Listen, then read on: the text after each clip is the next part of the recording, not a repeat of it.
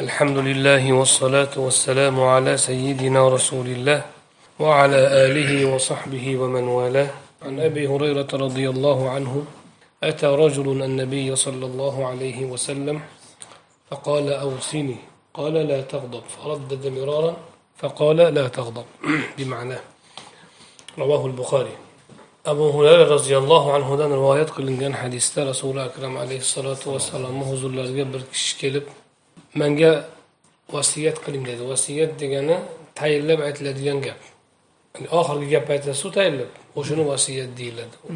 Endi borib borib istilohda keyin o'limdan oldingi so'z vasiyatga o'tib qolgan. Lekin arab tilida asli vasiyat alloh sizlarga vasiyat qiladi degan ta'kidlab aytadi degan. Ta'kidlab oxirgi gap qilib aytsangiz shu vasiyat bo'ladi. Abu hurara roziyallohu anhudan rivoyat qilingan hadisda bir kishi kelib rasuli akram alayhissalotu vassalomga menga vasiyat qiling dedi g'azablanma dedilar. U kishi qaytardi yana g'azablanma dedilar. Uch marta aytganlar rivoyatda boshqa rivoyatda keladi. Ya'ni faroddada mironandan murod salata marrot demoqchi. Bir necha marta qaytardidan murod uch marta qaytardi. Vasiyat qiling degandi yana g'azablanma. G'azab qilma dedilar. Yana aytuvdi g'azab qilma dedilar. Bu hadisi sharifni boshqa rivoyatlari ham bor. Boshqa rivoyatlarda payg'ambarimiz alayhissalotu vassalomga bir kishi kelib menga bir amalni o'rgatingki mani bir amalga yo'llangki jannatga kiritsin mani deganda shu gapni aytganlar. G'azab qilma deganlar. Yana boshqa bir rivoyatda abu dardo roziyallohu anhudan rivoyat qilinganda u shu savolni bergan odam abu dardo roziyallohu anhu deyiladi. Menga vasiyat qiling degan. Boshqa bir rivoyatda joriyat ibn qudoma deyilgan lekin joriyat ibn qudomani ulamolar tobein bo'lgan rasulullohni ko'rmagan deyishgan yana boshqa bir rivoyatda abdulloh ibn amr roziyallohu anhudan rivoyat qilingan hadisda allohni g'azabidan uzoq qiladigan narsani o'rgating deganda shuni aytganlar ya'ni demak kishi menga vasiyat qiling deb mutlaq aytsa ham o'sha gapni aytganlar g'azab qilma deganlar. Mana jannatga kiritadigan amal desa ham shu gapni aytganlar. Meni ollohni g'azabidan uzoq qiladigan desa ham g'azab qilma deganlar. Demak hammasini jamlasak bo'laveradi. Muhim e, vasiyatlardan biri g'azab qilmaslik. Jannatga kirmoqchi bo'lgan odam ham g'azab qilmasin. Allohni g'azabidan qochib qutulmoqchi bo'lgan odam ham g'azab qilmasin. Endi bu g'azab o'zi nima degan savol tug'iladi. G'azab ulamolarni ta'rifida shu insonni qalbida yuragida bir qon urishi tezlash tezlashib g'alayon bo'lib kuchayadi. Bu asabdan bo'ladi. Bu asli nimadan bo'ladi? Biror bir yoqmagan narsa voqea bo'lishidan qo'rqib o'sha voqea bo'lmasligi uchun qo'zg'algan quvvat bo'ladi qo'zg'algan. Yoki voqea bo'lmagandan keyin o'ch olish uchun qo'zg'algan narsa bo'ladi. G'azab yo shu masalan birov sizni sizga talofat yetkazmoqchi bo'lsa hali yetkazmagan. Masalan pulingizni olmoqchi undirmoqchi misol uchun yo sizni otib ketmoqchi shunga o'xshagan sezib qoldingiz g'azablanasiz. Hali tushgani yo'q sizga zarar. O'sha tushmay turib bo'lganda ham g'azab bo'ladi. Tush bo'ldi endi siz men ham buni e, uraman deysiz. Men ham buni um, haligi molini tortib olaman deysiz yo bir narsa qilaman deysiz. Yo o'ch olish istagidan yoyinki o'sha kutilmagan yoki kelishi mumkin bo'lgan yomonlikdan uni daf qilish uchun paydo bo'lgan qondagi g'alayonni g'azab deyiladi shuning uchun alloh subhanahu va taologa nisbatan g'azab so'zi alayhim g'adabullohu deb kelsa misol uchun allohni g'azabi yoki alloh g'azab qildi. Alayhim deb kelsa bundagi g'azabdan murod insonlardagi g'azab emas deyiladi. Yoki hayvonlardagi umuman. Masalan sher ham g'azab qilishi mumkin boshqa hayvon ham achchiq qilishi mumkin mushuk ham qiladi g'azab. O'sha ma'nodagi ya'ni maxluqlardagi g'azab emas deb aytiladi. Uni ba'zi odam tushunmasdan ollohni g'azabini inkor qilyapti deb o'yladi. Inkor qilish emas ollohni g'azabini. Э, g'azabni insonlarda yoki maxluqotlarda bo'ladigan tarzi allohda bo'lmaydi. Chunki bu yuqoridagi ta'rifni aytganimizdek qonni g'alayon qilishi qo'zg'alishi qonim qo'zg'alib ketdi deysizu o'sha qoni qo'zg'alishi yurak urish tezlashi natijasi keyin uni alomatlari yuz qizarishi ko'z qizarishi va hokazolar bor. Bu narsalar alloh subhanahu va taologa muhol mumkin emas. Shuning uchun allohni g'azabi keladi bu ishdan. Yoki bu ishga ollohni g'azabi keldi deganda bu ta'rifdagi g'azabi tushunilmaydi. Balki alloh subhanahu va taoloning e, noroziligi o'sha narsaga iqobi tushuniladi. Jafar ibn muhammaddan so'ralgan ekanki u kishi aytgan ekanlar g'azab haqida so'ralganda g'azab barcha yomonlikning kalitidir degan ekanlar. Abdulloh muborakka go'zal xulqni bizga bitta so'z bilan ifodalab bering deganda g'azab qilmaslik degan ekanlar endi savol tug'iladiki g'azab umuman qilmaslik kerakmi?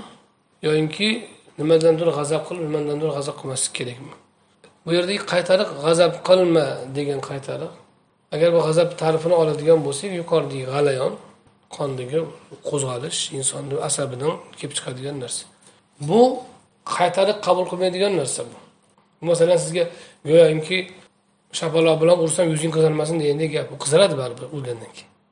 Ho'p hadisdagi g'azab qilma deganni qanday tushunamiz degan savol bor.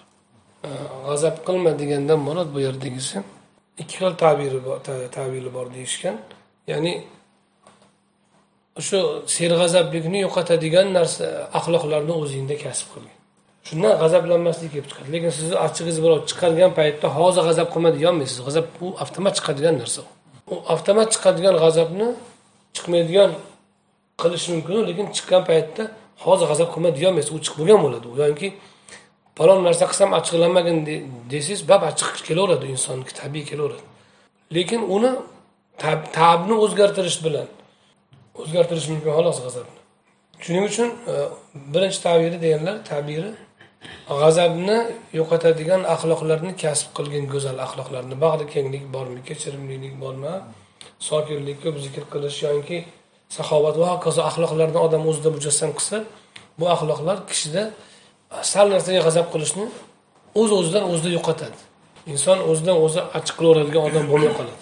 Ikkinchi tabiri deganlar g'azabing kelganda g'azabingni taqozosiga ko'ra ish qilma demoqchi bo'lganlar.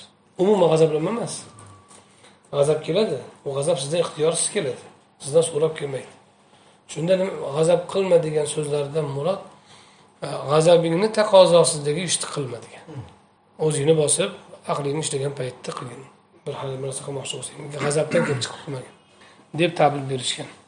Ba'zi oriflardan bittalarini bir kishi ovqatga taomga chaqiribdi mehmonga. Borsa uzr deb kirgizmabdi uyga. Ikkinchi kuni ham chaqiribdi. Yana uzr aytib olibdi. Ovqatga chaqirgan o'zi taom mehmonga chaqirgan. Uchinchi kuni ham kelibdi kelsa yana uzr aytib yuboribdi to'rtinchi kun chaqirsa yana kelibdi keyin to'rtinchi kuni mehmon qilibdi.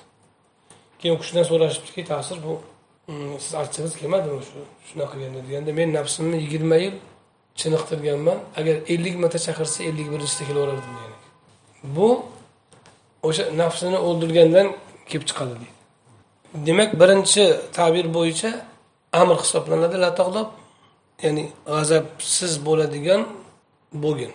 Serg'azablikni yo'qotadigan kengpeyillik va chiroyli axloqlarni o'zingda kasb qilgin ikkinchi tabirga ko'ra nahiy hisoblanadi. La tag'dob degani ya'ni g'azabing kelgan paytda g'azabing taqozosiga ko'ra harakatlanma degan mana shu ma'noni ifodalash uchun payg'ambarimiz sollallohu alayhi vasallam aytgan ekanlarki abu said hudriydan rivoyat qilingan hadisda g'azab bir cho'g'dir inson bolasini qalbiga tushadigan.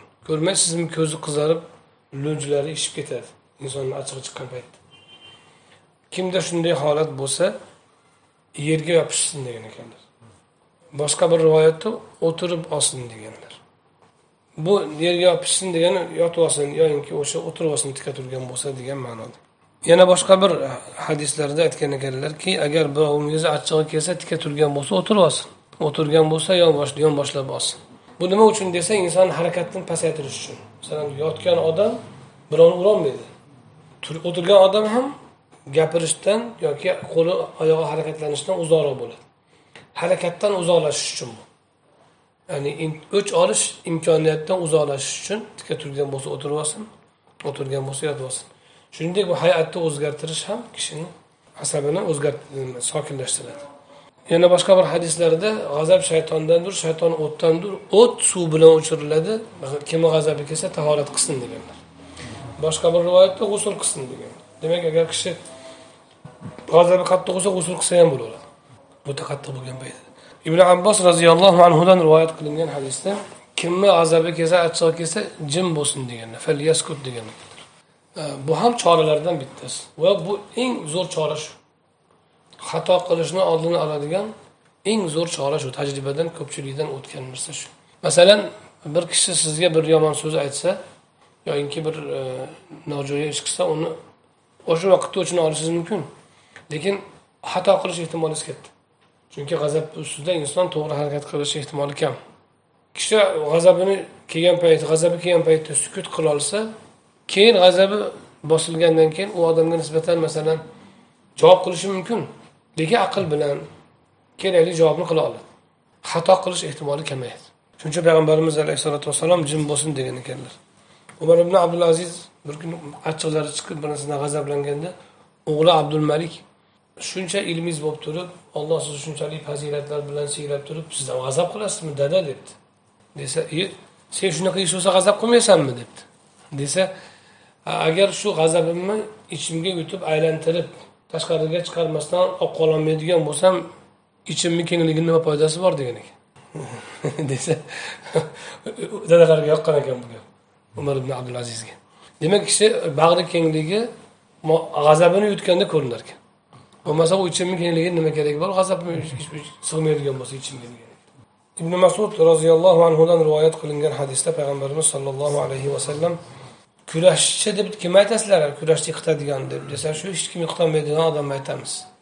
Desa u emas degan balki achchig'i kelganda o'zini yutgan o'zini e, e, tiyolgan odam degan ekanlar muoz ibn anasdan rivoyat qilingan hadisda payg'ambarimiz alayhissalotu vassalom kim bir achchig'i kelgan paytda achchig'ini yutsa agar alloh subhanahu va taolo qiyomat kuni uni hammani ko'z oldida chaqirib hurlardan xohlaganingni tanlab ol deb aytadi degan hammani orasida ikrom qiladi. O'zi hur hammaga beriladi. Lekin bu ikrom uchun qilinadi boshqalarga e, ikrom uchun hurlardan xohlaganingni tanlab ol. Chunki hurlarni darajalariga qarab beriladida endi insonlarga e, darajasiga qarab beriladi. Xohlaganingni tanlab ol degani bu insonlarni zavqi har xilku hammani. O'sha zavqiga qarab tanlab olishligi bu masalan sizga bir joyga borsangiz mehmonga ma'lum taomni bergani bilan ko'pgina taom qo'yib xohlaganingni tanlab ol deganni orasida ikromda katta farqi borda. Agar sizga sho'rva bilan oshni berib turib shuni o'zi bilan mehmon qilsa sizga masalan yoqmasligi mumkin sho'rva yoki osh. Bu yoqda kabob turgan bo'lsa kabob ko'zingizni kuydirishi mumkin. Bu ham ikrom ammo kabob siz istagan narsa. Ko'p e, ovqatni berib turib xohlaganingizni tanlang desa bu ikromni oliysi bo'ladi. Ana shunday qilib e, achchig'ini yutgan odamni alloh subhanahu va taolo ikrom qilarkan ibn umar roziyallohu anhudan rivoyat qilingan hadisda payg'ambarimiz alayhissalotu vassalom kishi biror bir yutgan narsalarni orasida achchig'i kabi allohga mahbub yutadigan narsasi yo'q degan. Kishi yutgan narsalarni orasida eng allohga e, mahbubi achchig'ini yutishligi. Banda debdilar agar achchig'ini yutsa olloh uni qalbini iymon bilan yana bir rivoyatda omonlik va iymon bilan to'ldirib qo'yadi degan ekan. Achchig'ini yutgan odamni alloh taolo qalbini iymonlik va omonlik bilan iymon va omonlik bilan tug'dirib qo'yadi debdilar. Imom hasan aytgan ekanlarki kimda agar to'rtta sifat bo'lsa olloh uni shaytondan saqlabdi va uni do'zaxga harom qiladi degan ekanlar. Ya'ni nima deb so'ralganda aytgan ekanlarki o'ziga kuchi yetsa to'rtta holat rag'batda rahbatda shahvatda g'azabda degan ekan. Ya'ni odam bir narsani istagan paytida rag'bat tug'ilgan payt o'zini tiyolsa. Qo'rquvda o'zini tiyolsa. Ko'pincha inson qo'rquvdan xato qilib qo'yadi. Bir tahdid bo'lsa xato qilib qo'yadi. So'ramagan narsani ham gapirib yuborishi mumkin yolg'on guvohlik ham berib yuborishi mumkin yoki shunga o'xshagan narsalar qilib qo'yadi. Qo'rquvda o'zini usholsa ikkinchisi rag'batda bir narsaga qiziqtirsa odam gapirib qo'yadi yoki bir ish qilib qo'yadi yo bir ishga qo'l urib qo'yadi qiziqqanidan. O'sha qiziqqan paytida o'zini tiyolsa shahvat nafs xuruj qilgan paytda o'zini tiyolsa va g'azabda o'zini tiyolsa shu to'rtta o'rinda. O'sha odamni alloh taolo shaytondan saqlagan bo'ladi va do'zaxni unga harom qiladi degan ekanlar. Hammamiz ko'p marta eshitganmiz payg'ambarimiz sollallohu alayhi vasallamni oysha roziyallohu anhu ta'riflaganlarida rasuli akram alayhissalotu vassalomni xulqlari nima edi deganda qur'on edi deganlar. Va mo'minunni boshidagi o'nta oyatni o'qib berganlar misol tariqasida. Qur'on edi axloqlari deganini zimniga kiradi debdi ulamolar. Qur'oni karimda yomonlangan sifatlarga g'azablanish yomonlangan ishlarga g'azablanish maqtalgan ishlarga xursand bo'lish. O'sha ya'ni alloh taologa yoqmagan narsalar bor. Qavmlarni gunohlari. O'sha gunohlarini o'sha gunohlarga g'azab qilish shu ham qur'onni axloqiga kiradi qur'oni karim yomonlagan sifatlarni istamaslik bu narsalarga qarshi turishlik bu narsalar sodir bo'lsa unga g'azablanish masalan o'g'rilikni qaytarganmi o'g'rilikka g'azab qilish. Xiyonatni yomonlaganmi xiyonatga. Yolg'onni yomonlaganmi yolg'onga. Zinoni yomonlaganmi zinoga. Livotani yomonlaganmi unga. Va tarozidan urishni yomonlaganmi bunga. Ana shundoq. G'azab qilishlik qur'onni axloqidandir deb tushun. Anas ibn molik roziyallohu anhudan rivoyat qilingan. Payg'ambarimiz alayhissalotu vassalomga o'n yil xizmat qildim. Biror marta biror ishni qilmagan bo'lsam nimaga qilmading? Qilgan bo'lsam nimaga qilding demadilar deb aytganlar. Bu gapdan payg'ambarimiz alayhissalotu vassalom o'tayam bir keng bo'lganlari bag'ri keng bo'lganlari bilinadi. Anas ibn molikdan bu haqida so'rashganda aytgan ekanlarki ahllari anas ibn molikda ahllari so'rashgan ekan rasululloh shunaqa qilmagan paytda tanbeh bering. Bundoq qilmabdi bundoq qilmabdi. degan paytda qo'yinglar agar qazo qazoda bitilgan bo'lganda qilgan bo'lardim degan ekan. Ya'ni o'sha ishni qilmabdimi? Demak qazoda bitilmagan bitilgan bo'lganda qilardi qadarda bitilgan bo'lganda qilardi.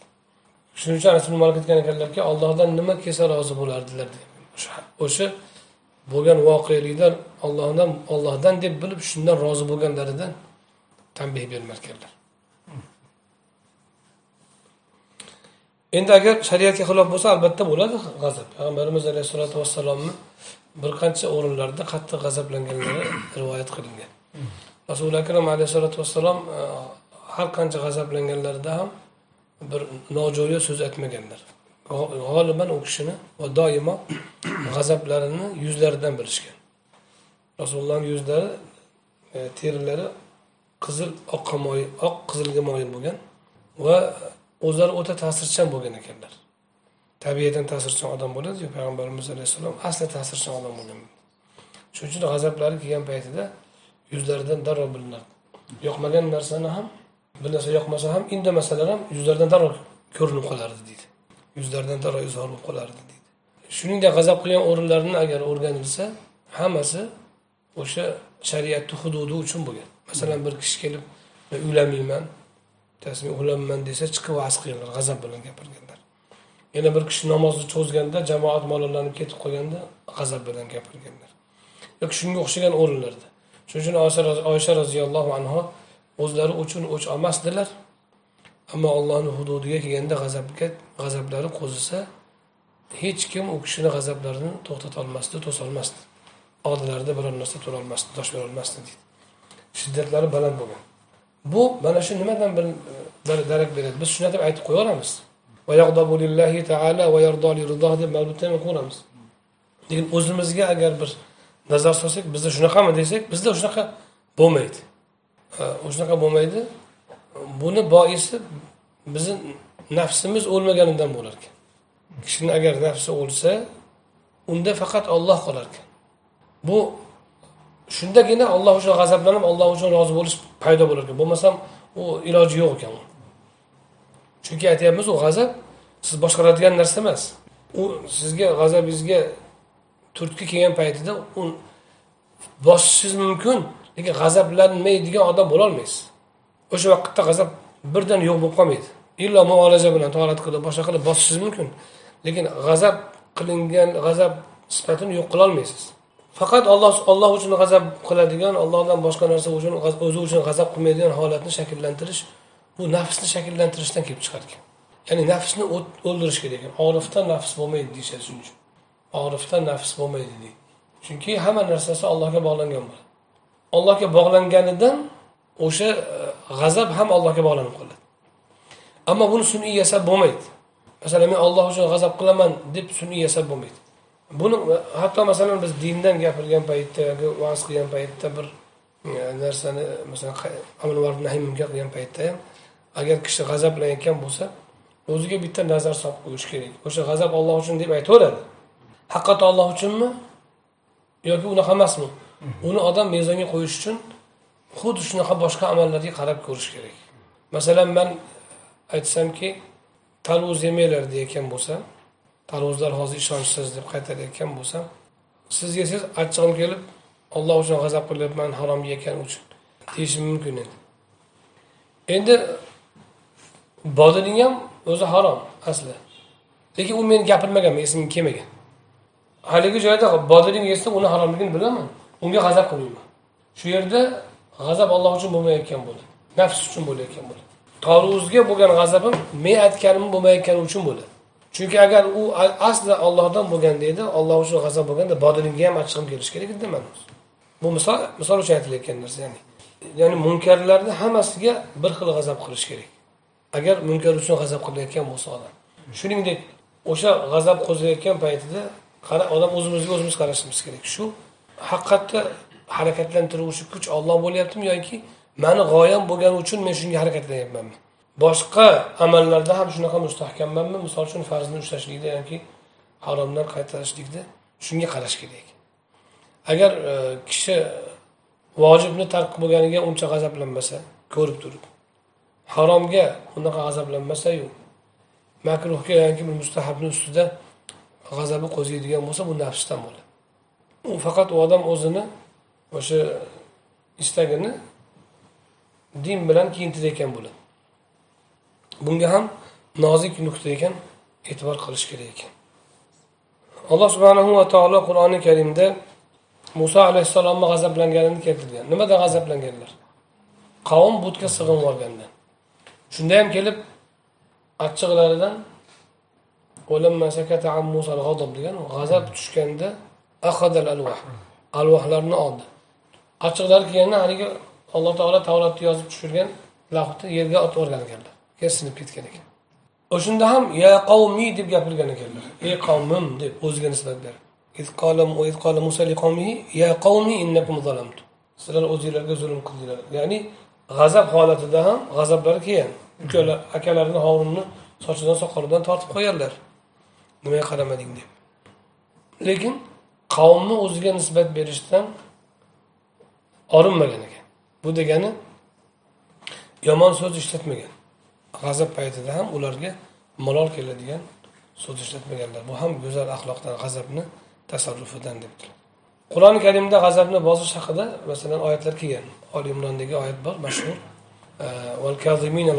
Achchiqlarni yutadiganlar mashhur hikoya bor imom hasanga yoki abu zar roziyallohu anhuga yoki ali ibn husayn zaynul obidinga nisbat berishadi xodimlari issiq ovqat ustiga to'kib yuborganda achchiqlari kelib tursa xodim aytadiki bu haqda olloh nima deydi desa nima deydi deydilar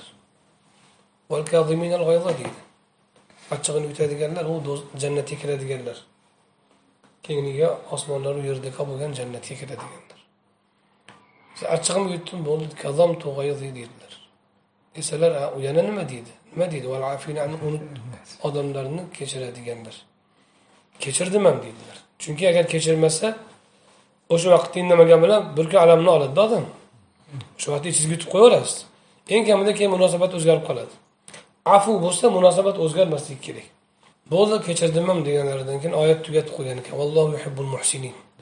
Shunda ozodsan degan ekan mana shu oyati karimadagi darajada nima uchun g'ayizni achchig'ini yutadi degan desa achchig'i bor degan. Achchig'i bor shuning uchun achchiqlanmaslik achchiqlanmagan eshakdir deyishadi. Bu achchig'ini yutishki bu o'sha hali nafs bor paytdagi achchig'ini yutish bu. Ammo g'azab olloh uchun bo'lganda yutilmaydi. Payg'ambarimiz alayhissalotu vassalom alloh uchun g'azab qilgan paytlarida allohni ahkomlaridan birortasi hududlaridan birortasiga tajovuz bo'lsa g'azab qilgan paytlarida birov to'xtatilgan emas. O'g'ri ayolni qo'lini kesmaylik deyish deb usomat ibn zayd o'rtaga vosita bo'lib tushgan paytida o'ta qattiq g'azablanganlar. Va qoldirmaganlar hududlarni qoldirmaganlar. Oldilarida birov turolmasdi deb shuncha aytishadi ya'ni g'azablari kelgan paytida uni to'xtatib bo'lmagan. Bu bu o'rinda achchig'ini yutish to'g'ri hisoblanmaydi. Bu o'rinda achchig'ini yutish to'g'ri hisoblanmaydi. Undan boshqa o'rin insonni nafsi hali nafsidan bo'layotgan g'azabni ustida bo'lsa unda maqtaladi achchiqda yutishlik. Shuning uchun g'azab qilgan paytlarida kechiradilar. Ya'ni natijasini taqozosini bajarmaydi degan. Yuqoridagi hadisda e, ikkinchi tabirida aytilgan. G'azab qilsalar kechiradilar. G'azabni taqozosi kechirish emas g'azabni taqozosi o'ch olish. O'sha taqozoni qilmaydida kechiradi degani. Bu ham e, bir maqtalgan sifat. Ammo yuqoridagi aytganimizdek alloh uchun bo'lgan g'azabda g'azabni ichga yutish bo'lmaydi. Toinki o'sha ishda nusrat topmaguncha oxiriga yetkazmaguncha. Payg'ambarimiz alayhissalotu vassalom shuning uchun duolarida so'ragan ekanlarki ey olloh g'azab paytidayu rozilik paytida haq gapni aytishni so'rayman sendan degan abdulloh ibn umar roziyallohu anhu hadis yozib yoz, rasululloh so'zlarini yozganlar. Abu hurara roziyallohu anhu aytganlarki mendan bitta abdulloh ibn umargina ko'p hadis bilishi mumkin. Chunki men yozmaganman u yozgan deganlar.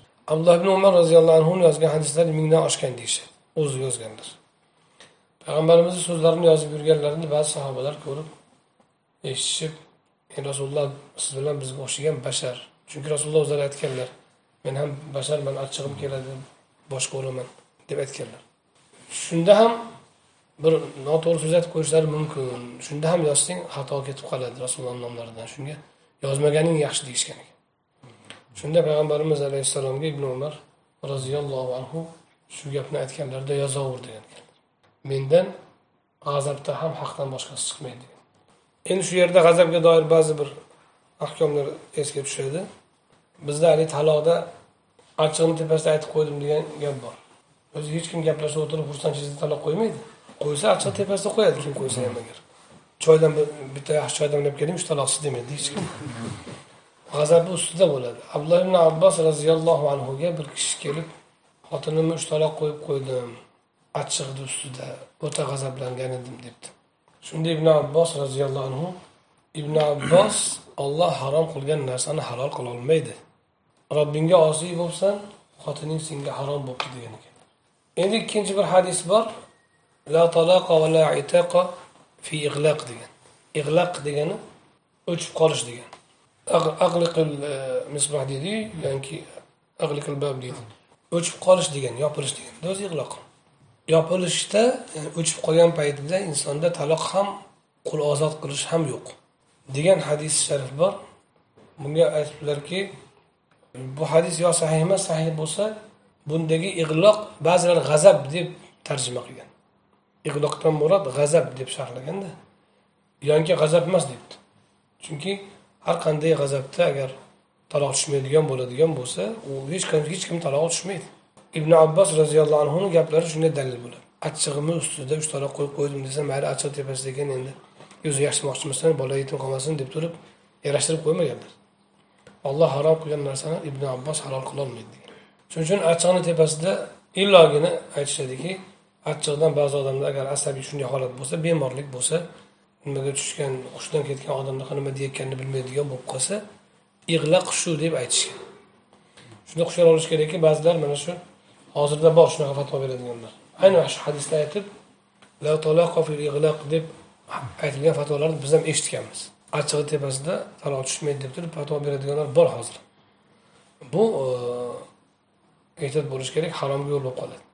Shuning uchun ba'zi ulamolar kinoya kinoya bor kinoya so'zlari bor taloqda besh tomoning to'rt tomoning qibla va boshing ochiq o'qishgan kinoya taloqlari bor. Kinoya so'zlarini agar bir kishi aytsayu undan so'ralsaki sen taloqni niyat qilganmiding desa yo'q man taloqni niyat qilmagan edim boshqa narsani falon ma'noni niyat qiluvdim. Desa o'tadi odamni gap. Lekin g'azab paytida bo'lsa o'tmarkan shu ham. O'sha kinoya so'zini g'azabda aytsa taloqdan boshqa narsaga tafsir qilsa o'tmarkan taloq qilmoqchi emas edim falon narsa edi piston demoqchi edim deb boshqa narsa bilan agar kinoyani tafsir qilmoqchi bo'lsa er. Qabul qilinmaydi. Chunki g'azab paytida bo'lgandan keyin u taloqni niyat qilgan bo'lishi aniq. Aniq bo'ladi deyishlik. Payg'ambarimiz alayhissalotu vassalom e, bir so'zlarida men ham basharman rozi bo'laman g'azablanaman deganlar agar biror kishini urib qo'ygan bo'lsam yo so'kib qo'ygan bo'lsam o'shani unga kafforat qilgin deb duo qilgan ekanlar. Bu payg'ambarimiz alayhissalotu vassalomni ehtiyotlaridan xolos. Rasululloh ham alayhissalotu vassalom achchig'idan biror narsa deb qo'yardilar so'kib qo'yardilar urib qo'yardilar degani emas. U sodir bo'lgan emas farazan sodir bo'lgan taqdirda deb aytganlar. Ammo sodir bo'lgan emas. O'shaning uchun bu duolardan ba'zi odam noto'g'ri tushunmasinki shunday deb duo qilganlar demak ana shunaqa ishlar qilganlar deb tushunmaslik kerak. Payg'ambarimiz alayhisalotu vassalom ibn umarga aytgan gaplarida mandan g'azab paytida ham haqdan boshqasi sodir bo'lmaydi. Alloh taoloni o'zini tazkiyasi bor. Endi payg'ambarimiz alayhissalotu vassalomning o'sha shunday e, g'azablarini yolg'iz alloh subhanahu va taoloning g'azabi va roziligiga bog'langanligi va dunyo narsasi uchun g'azablanmasliklari nimadan desa payg'ambarimiz alayhissalotu vassalomni kamollaridan va mana shu sunnatdir. Buni asli negizi qayerda? desa nafsning o'lishi va hamma narsani ollohdan ko'rish o'sha anas ibn molikni ahllari aytgan paytida agar qazoda qadarda bo'lsa bo'lardi o'sha narsa. Deganlaridan ham shuni bilsa bo'ladi. Mulla qori aytibdilarki xulosai kalom hadisni la tag'dob degan gapni xulosai kalomi g'azabingni asarini izhor qilmagin tashqariga chiqarma. Faqat olloh rozi bo'ladigan holatdagina chiqargin deb e, sharhlagan ekanlar mulla qori. Umuman olganda e, mana shu umumiy e, kishini axloqi bo'lishi kerak. Serg'azab bo'lmaslik vazmin bo'lishlik. Buni aksi hilm bo'ladi. Halim odam e, hilm e, g'azabni aksi bo'ladi. Agar kishi nafsiy nafsoniy jihatdan biror jihatdan g'azabi keladigan bo'lsa uni bosish kerak. Olloh uchun bo'lgan g'azabda o'sha g'azabni taqozosini ijro qilishlik kerak. Allah subhanahu wa ta'ala uza amalan nasiba eylesin. Subhani rabbike rabbil izzeti amma yasifun ve selamun alel murselin velhamdülillahi rabbil alemin.